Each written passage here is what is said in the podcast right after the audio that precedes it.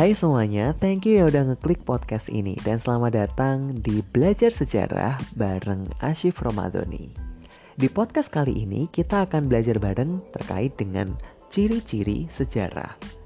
Teman-teman pasti sebelumnya sudah mendengarkan podcast uh, part 1 yaitu temanya tentang uh, definisi sejarah dan saya yakin teman-teman pasti punya definisi atau pengertian sejarah menurut kalian itu kayak gimana. Nah, kali ini kita semua akan belajar mengenai apa sih ciri-ciri sejarah. So, buat teman-teman semuanya, mari kita simak podcast berikut ini. Baik teman-teman semuanya, pasti masih mengingat dong apa yang dimaksud dengan sejarah karena kita kemarin itu kan sudah membahasnya di segmen 1.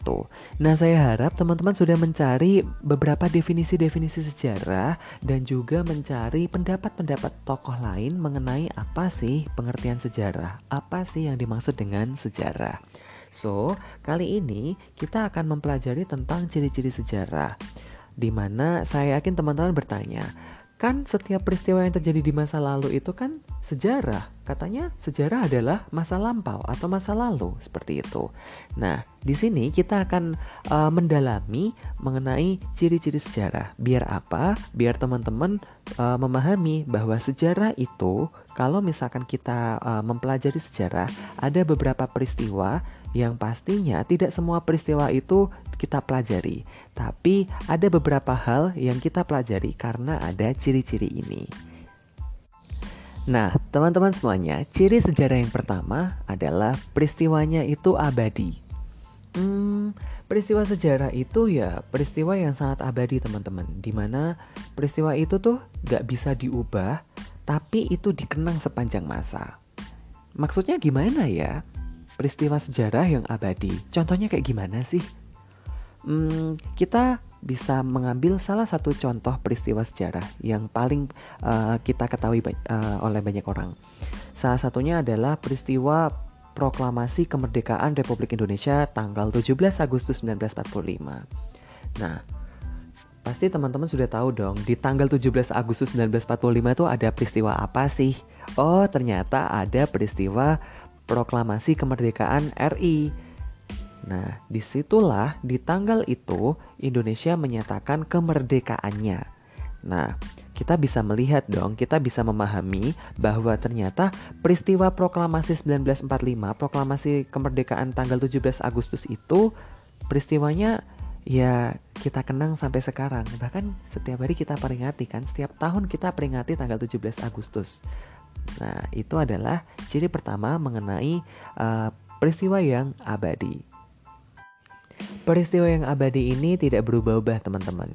Nah, sama halnya kayak peristiwa proklamasi kemerdekaan Indonesia tanggal 17 Agustus 1945. Peristiwa itu ya seperti itu.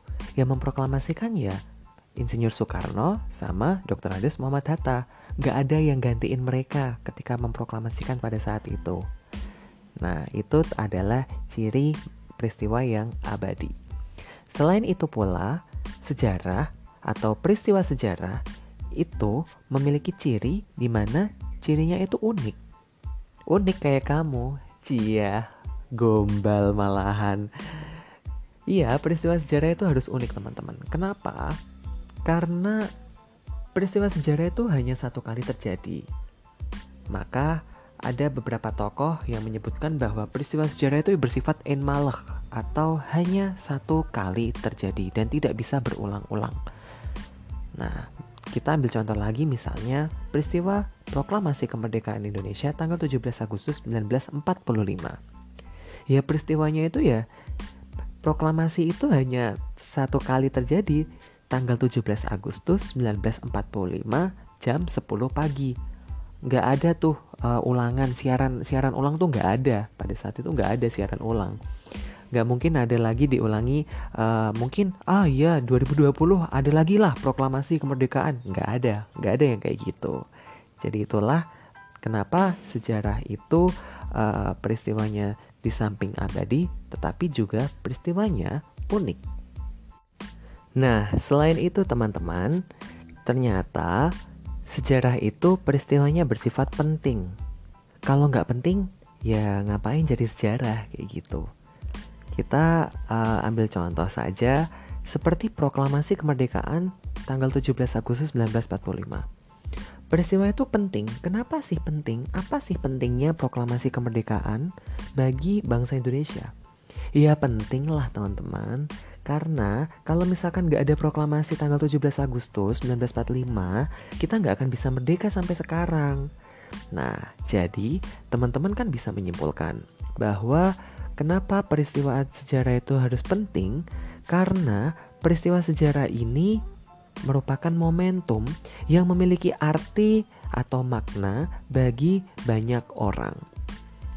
Nah, kalau misalkan ini dianggap memiliki arti bagi banyak orang, kalau peristiwa putusnya pacar gimana? itu kan bermakna buat kamu, bukan buat orang lain. so itu tadi adalah ciri-ciri sejarah. Nah, saya harap teman-teman semuanya bisa mencari beberapa referensi lain terkait dengan ciri-ciri sejarah. Ciri-ciri sejarah tidak hanya terbatas pada tiga hal itu tadi. Nah, di samping itu pula, uh, dari ciri-ciri sejarah kita bisa menyimpulkan bahwa objek kajian dari sejarah itu adalah manusia dan aktivitasnya yang terjadi di masa lampau. Nah, itu adalah objek kajian dari sejarah. Nah, teman-teman semuanya, terima kasih banyak yang sudah ngeklik podcast ini. Sampai jumpa di podcast berikutnya. Sehat selalu.